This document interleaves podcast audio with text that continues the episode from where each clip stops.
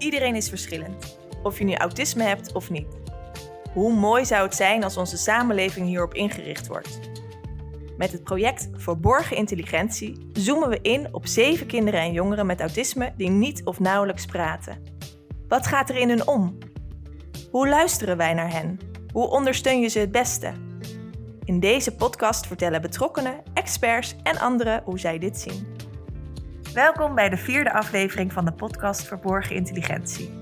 Ik ben Diewertje Blijnberg en ik neem jullie graag mee in de wereld van autisme. Naast mij zit Anneke Groot. Zij is onder andere trainer en schrijver van twee boeken over autisme en heeft een eigen methode ontwikkeld genaamd contactgericht spelen en leren. Met haar praat ik over de grote waarde van echte oprechte aandacht en geloof blijven houden in een ander.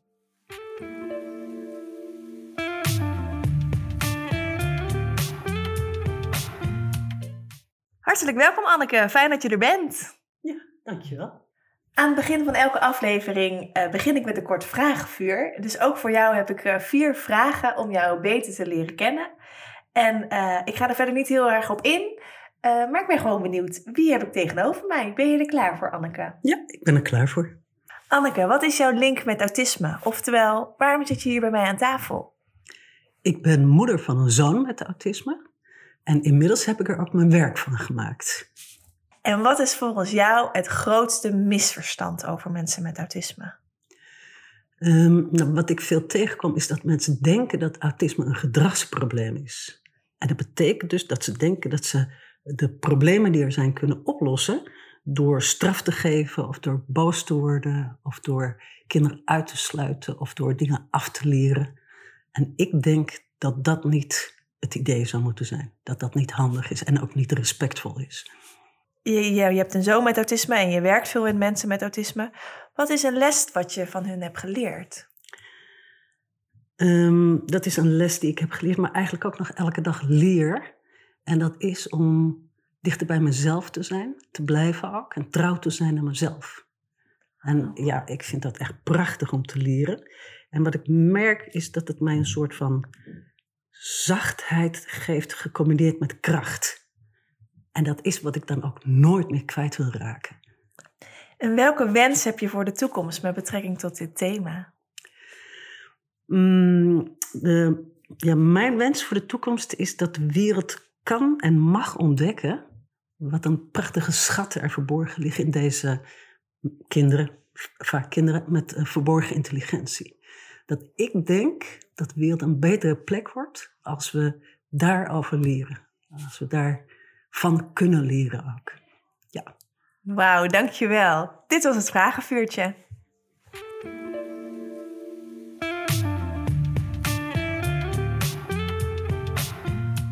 Uh, Anneke, je bent moeder van, van drie kinderen, waarvan uh, de jongste zoon autisme heeft.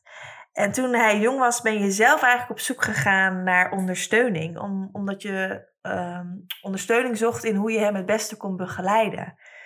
Um, maar wat maakte dat jij die, die ondersteuning zocht, dat je daar op zoek naar was? Wat had jij nodig? Wat was je hulpvraag bijvoorbeeld? Nou, dus ik had gehoord dat hij autisme had. En wat ik heel, ik vind autisme echt super lastig om te begrijpen. Tenminste, zo, zoals ik het las, zoals het beschreven stond. Wat dan eigenlijk steeds gaat over het gedrag. Als mensen met autisme, welk gedrag ze dan hebben. Hoe ze zich gedragen. En ik dacht steeds, ja, maar waarom is dat dan zo? Waarom doen ze wat ze doen? Er moet toch iets aan de hand zijn waarom ze op een bepaalde manier reageren, zich terugtrekken, niet stuurbaar zijn, uh, overgevoelig reageren. En, ik, en dat probeerde ik te begrijpen, maar dat was best nog lastig om daarachter te komen. Ja, dus toen ging je op zoek naar, naar hulp van, hey, kan iemand mij dit uitleggen hoe dit werkt? Ja, maar ja, dan kwamen ze bij mij en zeiden ze van, ja, uh, je doet het al goed. En dus, ja, er was gewoon niet zoveel hulp. Er waren niet zoveel mensen die mij konden vertellen wat en hoe, hoe ik dat moest doen met hem. Ja. En, uh, en we liepen wel heel erg vast, want hij liet zich niet sturen. En zijn ontwikkeling stagneerde. Dus ja, we hadden wel hulp nodig. Ja. maar je had hulp nodig, maar de hulp zei zelf eigenlijk, nou, je doet het al eigenlijk prima. Ja. Wat deed je uit nature, uh, van nature al met je, met je zoon? Nou, ik had gemerkt dat als ik dat ik heel erg vastliep als ik probeerde om hem op te voeden. Dan doe ik even zo met mijn handen, Ja, zo die De tekentjes. aanhalingstekens. Precies. Ehm, of als ik hem probeerde te sturen, dat ik dan echt enorme aanvaringen met hem kreeg. En dat hij heel, ja, nu, nu kan ik heel erg zien dat hij in paniek raakte dan, als ik Ja. dat deed. Maar dat is ook niet zo mijn aard om die confrontaties de hele tijd aan te gaan. Maar ik merkte dat ik veel meer ingang met hem had als ik meer volgde en afstemde op hem. Ja. En dat kan ik wel heel goed. Ik kan goed heel dicht bij hem blijven. Ehm, nu realiseer ik me ook dat ik, dat ik altijd dat emotionele lijntje met hem hield. Dat ik altijd dicht bij hem bleef. ja. Ik denk dat hij dat heel erg nodig had. Jij was eh, zijn houvast. Ja, dat zou je kunnen zeggen. En dat Ja. had hij dus ook heel hard nodig. Ja, Ja. Ja. En is dat ook de reden dat eh, een boek van jou Houvast met de titel heeft Houvast? ja, ja voor, voor een deel wel. Ja. dat het daarover gaat. Hoe kunnen wij kinderen met autisme, die in deze wereld ja, zich moeten verhouden tot die wereld, wat heel complex is. Hoe kunnen we ze houvast geven in Ja. plaats van, van al die stress die er is? Maar een diepere laag in dat boek is eigenlijk dat je zegt van. eh, eh, eh, wat belangrijk is om dat houvast te kunnen geven, is die afstemming. En om te leren over die afstemming, hoe stem ik af op een goede manier op kinderen met autisme, moet ik dingen leren. En dat leer ik eigenlijk van mensen met autisme. Dus zij geven mij houvast over wat ik te leren heb om hun houvast te kunnen geven. En dan hoor ik een hele erge wederkerigheid. Ja, en daar Ja. hou ik van. Van Ja. wederkerigheid. Want ik denk dat dat kan, op alle niveaus. Maar dat je wel moet weten waar je insteekt in die wederkerigheid. Ja, Kan, kan je tips geven? Van hoe, hoe doe je dat? Doe je dat? Ik, merk een beetje aan jouw verhaal dat je dat al van nature heel erg doet. Eh, maar kan je, daar, kan je dat ook uitleggen? Wat, wat is dat dan? Hoe je dat. Ja, wat ik zie als het gaat over wederkerigheid, is dat mensen ehm, een bepaald idee hebben hoe contact wederkerig eruit moet zien. En dan, dan moeten de kinderen met autisme afstemmen op de begeleider of de volwassene. En ik denk, nee, als je het omdraait, dus als ik afstem op dat kind en ben waar dat kind is, dan is daar die gelijk, of de wederkerigheid in het contact. En dus wij verwachten eigenlijk dat kinderen met autisme wederkerig zijn in de manier waarop wij contact maken. Maar dat is natuurlijk eigenlijk een heel raar beginsel. Dus ja, Kun je daar een voorbeeld van geven? In, de, in, dat, in dat inspelen op, op, op, op, op het kind? ja, als ik denk helemaal aan het begin, toen ik aan het spelen was met mijn zoon, en dat, dat was wat wij deden toen hij heel jong was, dat in eerste instantie dacht ik van, nou, we gaan spelen en jij moet doen wat kinderen normaal gesproken horen te doen. Of je moet gaan met de Lego spelen of weet ik veel wat. Je moet doen wat normaal is. Dat betekent dus dat ik van hem verwacht dat hij afstemt op mij. Wat ik denk wat normaal is. Of wat hoort. Mhm. Of wat kinderen van die leeftijd zouden moeten doen. Maar daar merkte ik niet dat er een verbinding ontstond. En dus toen ging ik met hem spelen en deed ik wat hij deed. Ja, En dan ging hij bijvoorbeeld, hij liep rondjes in de kamer. En dan ging ik met hem rondjes in de kamer lo- lopen. En dan hadden wij contact. En dat contact was heel wederkerig. En wederkerig betekent eigenlijk dat ik hem voel en dat hij mij voelt. Dat daar iets ontstaat. En dus dat ontstond heel erg als ik hem volgde waar hij was. Dus naar hem toe ging. Ja, Ja. ik zit heel erg te kijken. Ook, ehm, als je zelf. Ik heb toevallig in de kinderopvang ook gewerkt. En eh, wat je zelf doet is. eh, je wilt kinderen stimuleren. Dus, dus je bedenkt. Of je start vaak als ouder of als begeleider. Je start vaak een activiteit of een. Ehm, ik denk maar Olleke Bolleke, Remy Solleke. De ouder begint. Mhm. En, en dan, dan verwacht je dat een kind daarop inspeelt. Maar jij draaide hem heel erg mooi om. Ja. Jij keek eerst naar het kind en vanuit daar ging je erop inspelen. Ja, en dat betekent niet dat je ook wel dingen kunt initiëren, want dat deden we natuurlijk ook. Ik herinner me nog heel goed met de knikkerbaan. Gingen we met de knikkerbaan. Ja, dus ik zorg dat er materiaal is. En wat ik, dat was zo'n knikbaan met stukjes, zo'n kort stukje en dan een lange baan. En dan moest je er een stukje op en dan weer een lange baan. En wat ik dan deed, dus ik dacht, zo gaan we hem opbouwen met elkaar. Dus ik bracht het materiaal in. Ik had het idee wat je ermee zou moeten doen. Maar hij deed anders. Hij zette die korte stukjes op elkaar. En ik hoorde mezelf toen steeds zeggen: nee, je moet eerst zo'n lange baan ertussen doen. Nee, je moet eerst. En ik hoorde mezelf steeds nee zeggen. Toen dacht ik op een moment: waarom zeg ik de hele tijd nee? Dus ik bood de activiteit aan, maar nu ging ik volgen wat hij ermee ging doen. Hij zette die korte stukjes op elkaar. En toen ging die knikker erin. En toen hoorde je tik-tak, tik-tak, tik-tak. En ik dacht, maar dit is toch ook een heel mooi geluid? Ja, oh, dat snap ik. Dus je hebt wel het, het, het, eh, eh, het spel, zou maar zeggen, geïnitieerd. Hè? Je hebt de knikkerbaan klaargelegd. Maar verder, hoe daarmee gespeeld werd, dat liet je meer vanuit het kind. Dat laat ik meer los. En, en dat haakt dan ook wel een beetje aan deze gedachte. Dat, dat waar contactgericht spelen en leren over gaat, is dat je zegt van je gaat de speelkamer in met een leeg hoofd en een volle rugzak. Dus je hebt heel veel kennis en informatie in je rugzak, maar je hoofd is leeg. Dus je hebt niet een vooringenomen idee wat er moet gaan gebeuren. En als dat zo is, betekent dus dat je op elk moment kunt afstemmen in dat contact. Dus contact en spelen leren gaat over spelen als we met kinderen zijn, omdat spelen is wat kinderen het liefst doen. Maar het gaat niet om het spelen, maar het gaat om de afstemming in het contact. Dus ook als we met ouderen ik ben met mijn, mijn moeder is heel oud, maar dan doe ik dat ook afstemmen. Dan ga ik niet met haar spelen, maar dan stem ik af op waar zij is. Het gaat om het afstemmen. Ja. En spelen is een manier om af te stemmen bij jonge bij kinderen. kinderen. Maar als we het hebben over volwassenen, dan gaat het heel erg om het afstemmen ja. naar elkaar. Ja. Ja. heel goed. Goed dat je dat nog even aangaf. En ehm, is dat wat je ook bedoelt met attitude? Je schrijft in je boek Houvast over attitude. Uh, is dat ook het afstemmen of gaat dat nog verder? Ja, ik, ik, denk dat het verder gaat. Uh, dus afstemmen is een onderdeel van attitude. Attitude betekent eigenlijk dat je in het contact met mensen met autisme bewust bent hoe jij reageert. Nou ja, het betekent eigenlijk dat je altijd bewust bent hoe je reageert, maar dus ook in het contact met mensen met autisme. Dat, en dat je zoekt naar dat je zo reageert dat je uh, ondersteunend bent in het contact. Nou, het is belangrijk dat je bewust bent van jezelf en waarom je reageert op bepaalde momenten. Ja. En als dat passend is, hoe je reageert, prima. Maar soms reageer je niet passend. soms dan wil je dingen die, die eigenlijk niet kunnen. Of merk je dat je boos wordt terwijl dat helemaal niet handig is. Of durf je helemaal niet te vertrouwen op dit kind? En dan is het mooi om te onderzoeken van, maar waar, waarom is dat? Waarom heb ik deze gedachten, deze gevoelens? En daar zit dan eigenlijk altijd een reden achter waarom je dat denkt of voelt. Die reden, dat is een gedachte die je gelooft over deze situatie.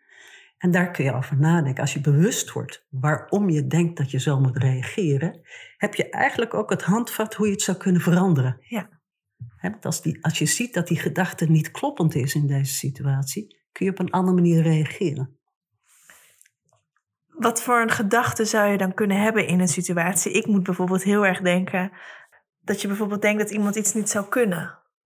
Dat is bijvoorbeeld een gedachte van, oh, dat, dat snapt hij of zij niet. Ik doe het wel eventjes. Of ja. Is ja, nou, dat, wat je bedoelt? Ja, als, als ik het even mag koppelen aan dat thema van verborgen intelligentie, is dit natuurlijk een gedachte die heel vaak langskomt. Ja. Dat een kind iets niet zou kunnen. Ja. En als je denkt dat dit niet kan, dan reageer je ook alsof dit niet kan. Nu is houding, je attitude, dat onderzoeken, is een hele spannende ding om te onderzoeken. Als een kind het niet kan aangeven, maar dat jij kan besluiten of je wel of niet gelooft in dit kind.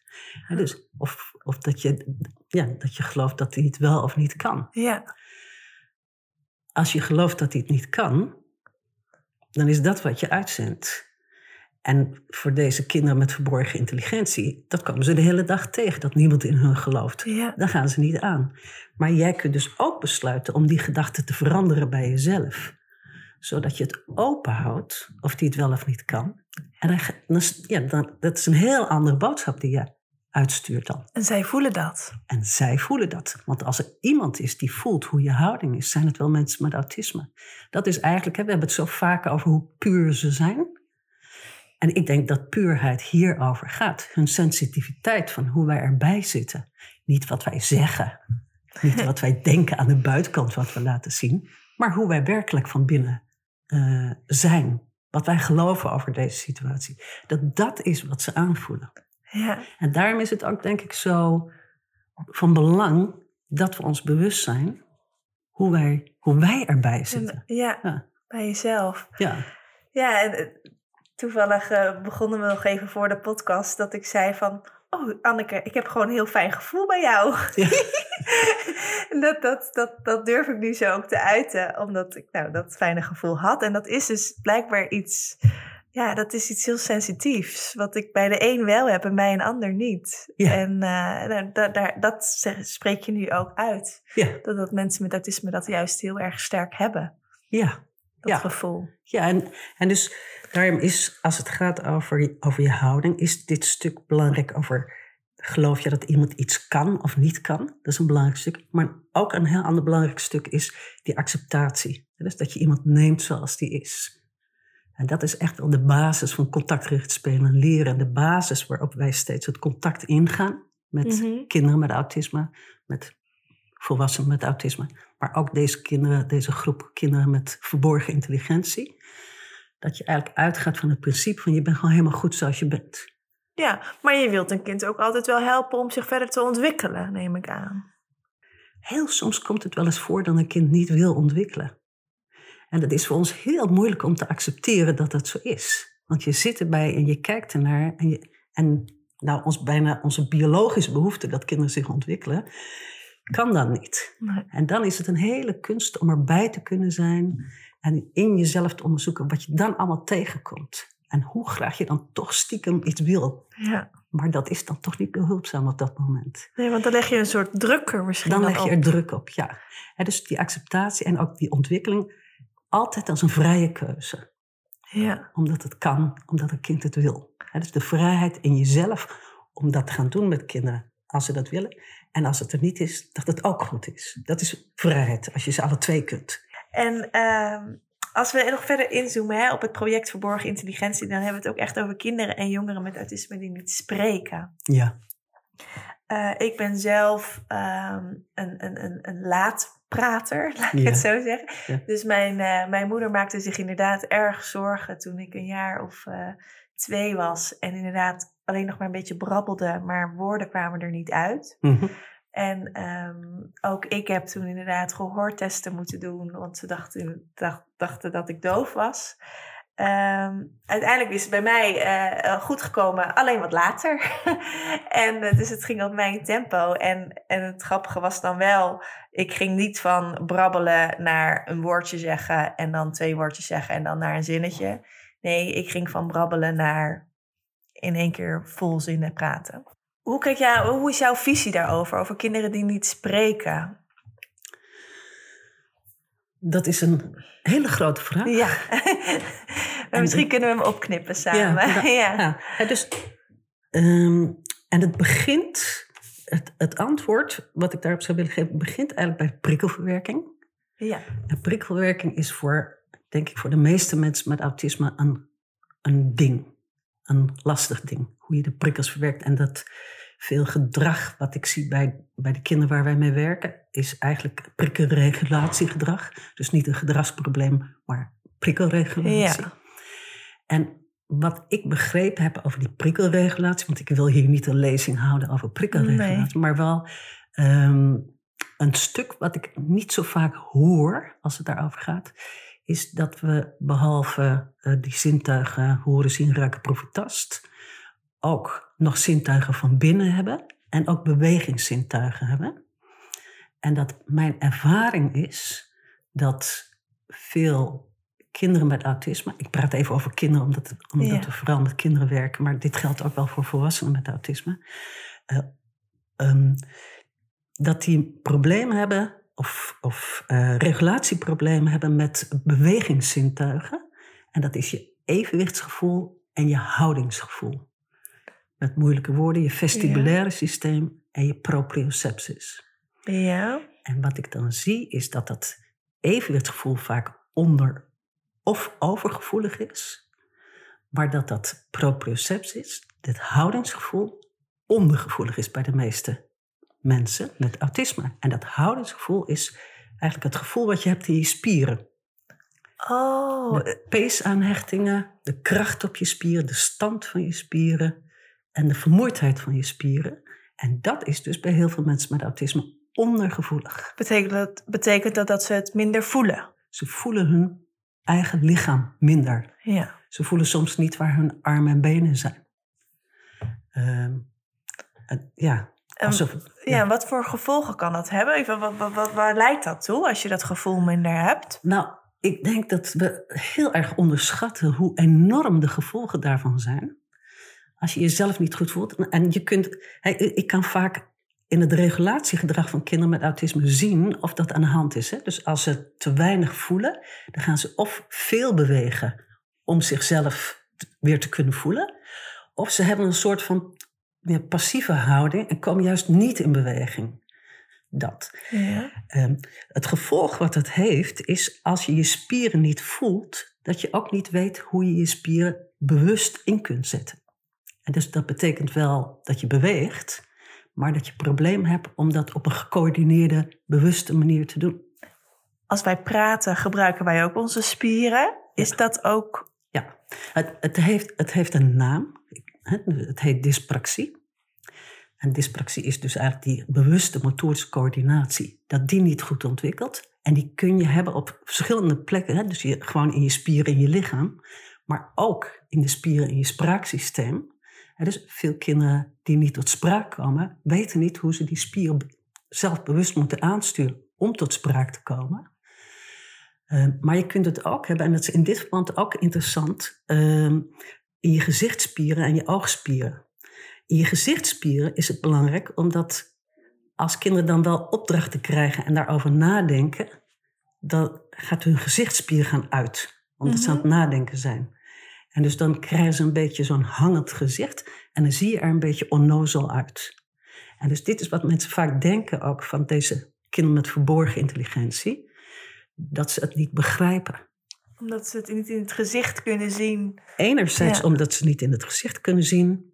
Anderzijds omdat ze meer tijd nodig hebben om tot een passende reactie te komen. Dat is bij die dyspraxie. Dat betekent dat je meer tijd nodig hebt als er een opdracht komt. Om die te vertalen naar een handeling. Ja. Dus je hebt meer tijd nodig. En in die tijd dat je dat aan het doen bent, gaan die gezichtsspieren een beetje uit. Oogspieren is ook, hè, dus daar, dat zijn ook spieren.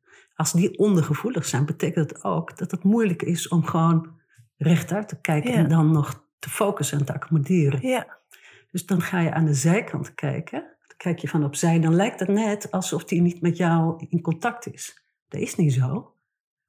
Maar dit is de manier waarop die wel in contact kan zijn. Ja. Ja. En hoe kan je dat, ehm, kan, je, kan je daar als ouder of als begeleider eh, iets, kan je daar iets mee? Kan je dat stimuleren? Kan je dat helpen te, beter te ontwikkelen? Ja, ik denk dat we kinderen erbij kunnen ondersteunen. Eerst en het allerbelangrijkste is dat we het begrijpen.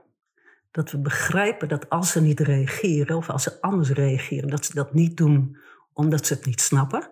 Ja. Of dat ze het ni- niet willen, maar dat ze niet weten hoe ze op een andere manier moeten reageren.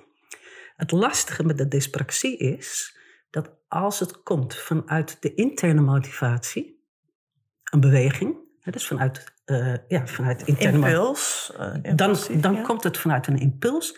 En die impulsieve kant, die is heel sterk ontwikkeld. Ja. Omdat die bewegingen impulsief waren. Omdat die coördinatie van die bewegingen niet goed ging.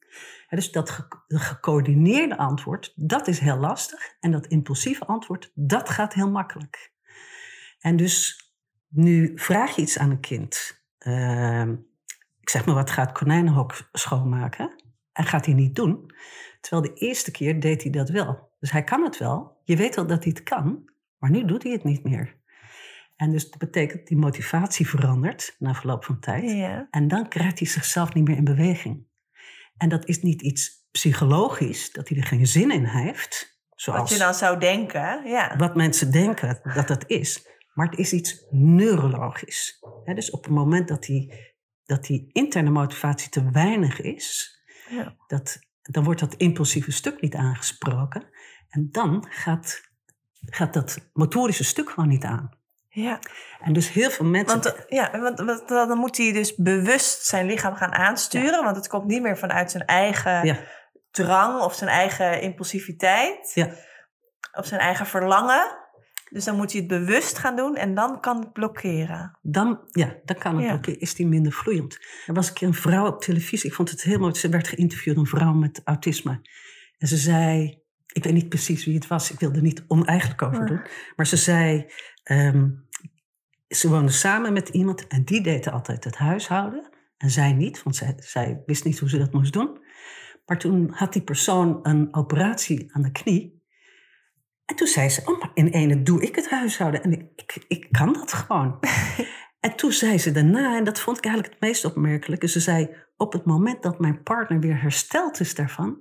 weet ik zeker dat ik het niet meer kan. En ik dacht, ja, dat is precies wat die dyspraxie is. Dan valt die motivatie weg en dan doe je het niet meer. En heel veel mensen denken dan, of die, dan komt die vraag in je op van... wil die het nou niet of kan die het niet? Ja. En dus dat is ook, denk ik, de reden waarom het vaak als een gedragsprobleem gezien wordt. Omdat dit wel appelleert bij ons aan dat stuk. Ja. Maar daar gaat het dus niet over. Het is niet iets psychologisch, het is iets neurologisch. Ja. Ja. En als je dat dus niet begrijpt, ja, dan kom je in een hele andere werkelijkheid terecht. Ja. eh, die helemaal niet passend is voor mensen met autisme. Want dan kom je waarschijnlijk ook inderdaad uit hè, op, op boos worden en Straffen. En, eh, Ja. ja. Ja, En ja, dat, dat heeft dan ook weer verdere gevolgen. Ja. ja. Als we, eh, we hadden net hè, over, over de dyspraxie en het niet spreken. Heeft het dan ook, ehm, heeft het dat ook te maken met het linkje, eh, niet zozeer van de hersenen naar de spieren, maar ook de hersenen naar ehm, de woorden die je uit moet spreken, die je uitspreekt als je spreekt?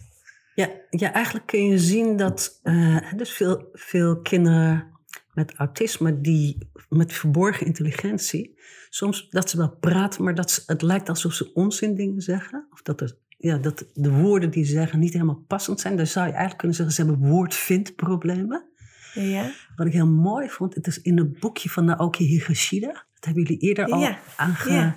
En hij schrijft daar een stukje over. Hij zegt, ik heb, ik heb niet toegang tot mijn bewuste woorden. Ik heb eigenlijk toegang tot de woorden die impulsief komen. Die het dichtstbij liggen of die ik meest gebruik. Tot, en dus dan zeggen mijn mond, of ja, wat ik zeg, is niet wat ik wil zeggen, maar wat er uitkomt. En in feite is dat precies hetzelfde als met die bewegingen, die ook impulsief zijn. Ja. En dus er komt niet altijd uit wat een kind wil zeggen, maar het zijn de enige woorden waar hij dan vloeiend bij kan. Die, die dyspraxie heeft heel veel consequenties op allerlei gebieden.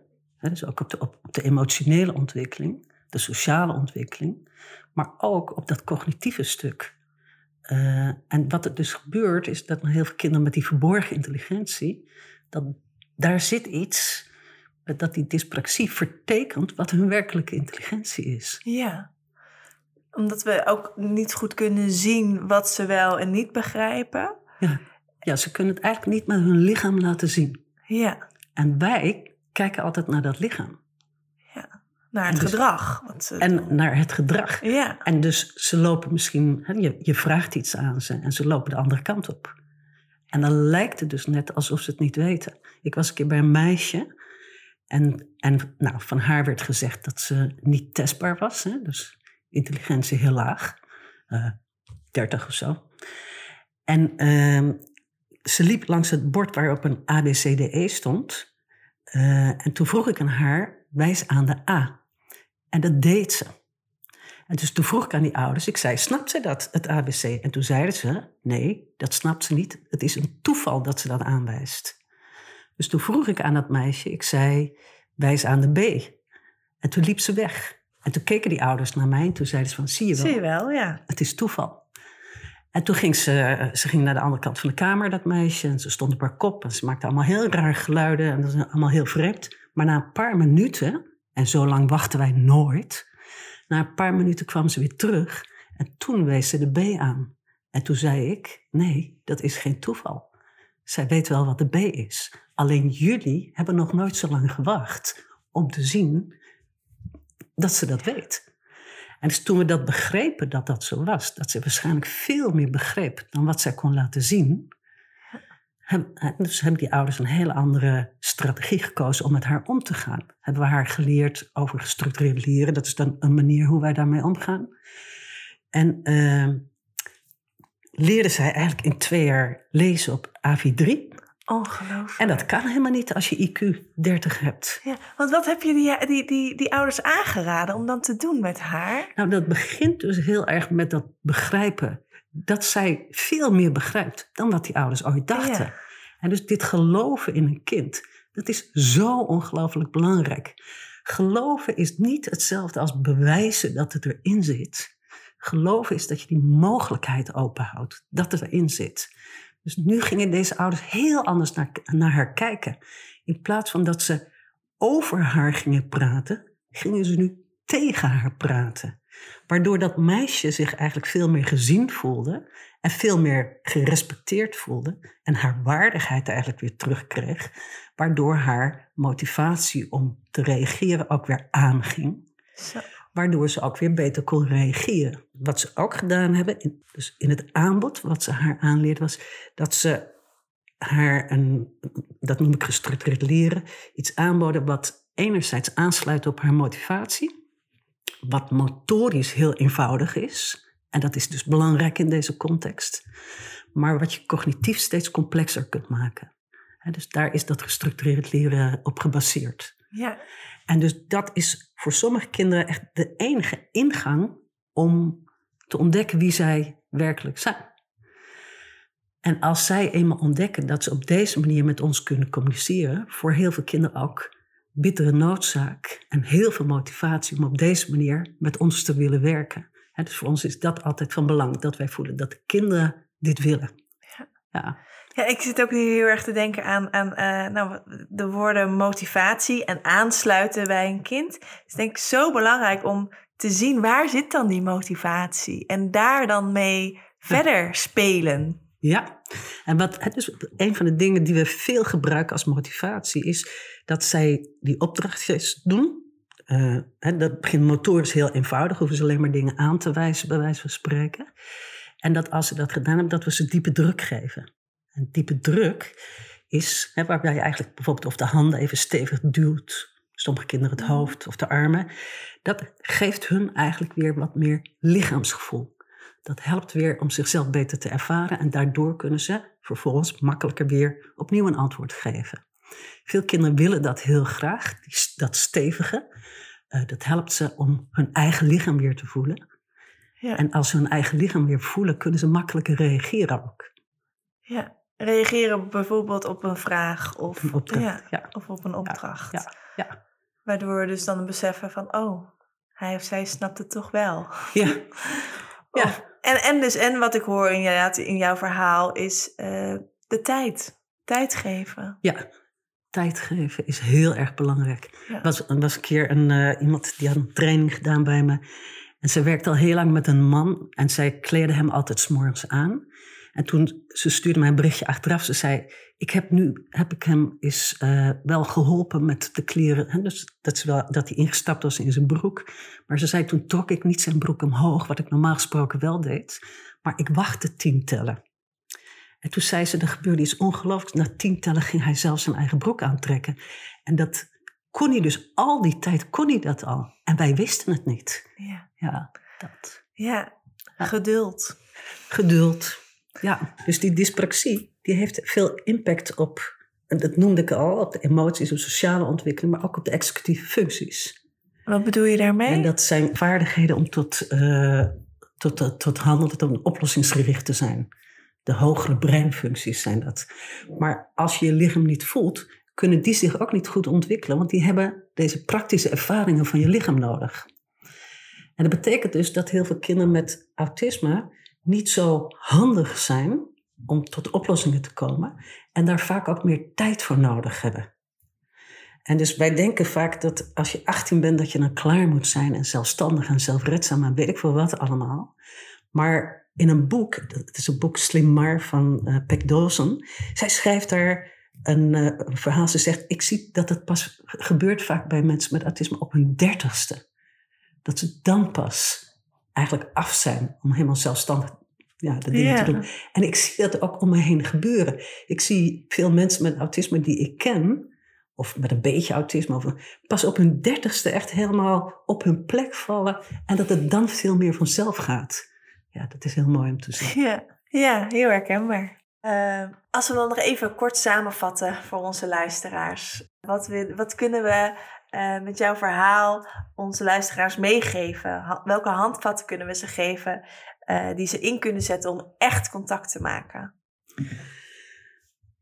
Ehm, nou, ik, ik noem even een aantal dingen. Ehm, het begint met attitude, met je eigen innerlijke houding, hoe je reageert. En dat gaat dan over dat geduld, over geloof, over acceptatie, over ruimte geven. Wat ook heel belangrijk is, is die kennis van dyspraxie. En zeker bij deze kinderen met verborgen intelligentie is het echt ontzettend belangrijk dat we daar veel van weten en begrijpen ook. Ja, en we daar bewust van zijn dat het Ja. zo werkt. Ja. Het betekent ook dat we kinderen meer tijd moeten geven om informatie te verwerken. Ja, Dus we geven een opdracht, dan geef je ze een aantal seconden de tijd om het uit zichzelf te kunnen doen. En dat doen we vaak niet. We wachten echt maar gewoon een halve seconde en dan verwachten we dat ze het al doen. Dus alleen al gewoon drie of vijf seconden wachten maakt al dat er veel meer rust is, veel minder stress ook. En dan wat we vaak doen is als we de vraag gesteld hebben en iemand reageert niet, dan gaan we de vraag herhalen en nog een keer Ja. en nog een keer, soms wel tot zes keer toe. En dat maakt eigenlijk dat het alleen maar steeds verwarrender, verwarrender wordt. Dus je stelt je vraag één keer en dan wacht je. En als een kind dan niet tot handelen komt, dan help je om samen tot de uitvoering te komen. En je helpt precies genoeg. Niet te veel, niet te weinig. Maar hoe kan je dan helpen? Dan kan je er... Soms moet je een kindje, of, of soms geef je een kind een heel klein zetje om in beweging te komen. Ja. Niet tegen zijn zin, maar gewoon Ja. dit kleine zetje om in beweging te komen. Of een kind moet iets schrijven, die hand komt niet in beweging. Je duwt even op die hand en daarna kan hij bewegen. Ja. Zo'n heel klein zetje eigenlijk om Ja. in beweging te komen. Het heet een prompt, maar het is, ja, dit is eigenlijk het idee ervan. Mooi. En eh, hè, als het voor kinderen met, met echt complexe problematiek kan het gestructureerd leren een belangrijke ingang zijn. Ja, Om ja, achter die kluisdeuren van verborgen intelligentie te komen. mooi. En om echt je aan te passen aan, eh, aan Afstemming, afstemming. daar begint dat het mee. ik. Ja, Ja, afstemming. Dankjewel voor dit mooie gesprek. De tip. We vragen aan alle gasten die bij mij aan tafel zitten nog een kijk, luister of leestip. Mhm. Welke tip heb jij voor ons, Anneke? Ja, ik heb dan vooral leestips. Ehm, eh, als je meer zou willen weten over die dyspraxie, Ja. hoe dat werkt en de gevolgen die dat heeft en ook de, wat je ermee kunt doen, dan zou ik echt mijn eigen boek aanbevelen: Neurospeciale kinderen begrijpen en begeleiden. En als je meer zou willen leren over dat contact maken, dat echte contact, dan zou ik verwijzen naar het andere boek wat ik geschreven heb, Hou vast. Maar de, de boeken waar ik zelf het meest van geleerd heb, zijn de boeken van mensen met autisme zelf. En in deze context van verborgen intelligentie wil ik dan ook graag de boeken noemen van, die ik gelezen heb van mensen met autisme die niet spreken. En dat is Naoki Higashida, met eh, waarom je soms op en neer springt. Maar die hebben jullie al Ja, ja in een van jullie eh, vorige uitzendingen. Ja. Ehm, ik heb ook boeken gelezen van Birger Sellin. En de titel daarvan is Ik wil geen in mij meer zijn. Het is een prachtig boek over hoe hij taal ontdekt. En een hele unieke eigen taal heeft. Maar aan de buitenkant ziet hij eruit als zwaar beschadigd, zwakzinnig, weet ik wel wat allemaal. Ja. Is een heel mooi verhaal, want dat gaat echt over die verborgen intelligentie. En eh, ook de boeken van Carly Fleischman. Zij is uit Canada, komt zij. Zij is ook een eh, non-verbale vrouw met autisme. En de, zij heeft samen met haar vader een boek geschreven dat heet Carly's Voice. Maar in het Nederlands heet dat Haar Stille Stem. Prachtig. Ja, Nou, onwijs bedankt voor deze tips. Die zijn allemaal terug te lezen eh, in onze show notes. Doe vooral en eh, zo leren we nog veel meer over deze bijzondere en krachtige mensen. Bedankt voor het luisteren naar deze aflevering. In de volgende aflevering spreek ik Tessa. Zij is moeder van Finn en levensloopbegeleidster Diana. En samen praten we over het leven van Finn. Luisteren jullie dan ook weer mee? Tot dan!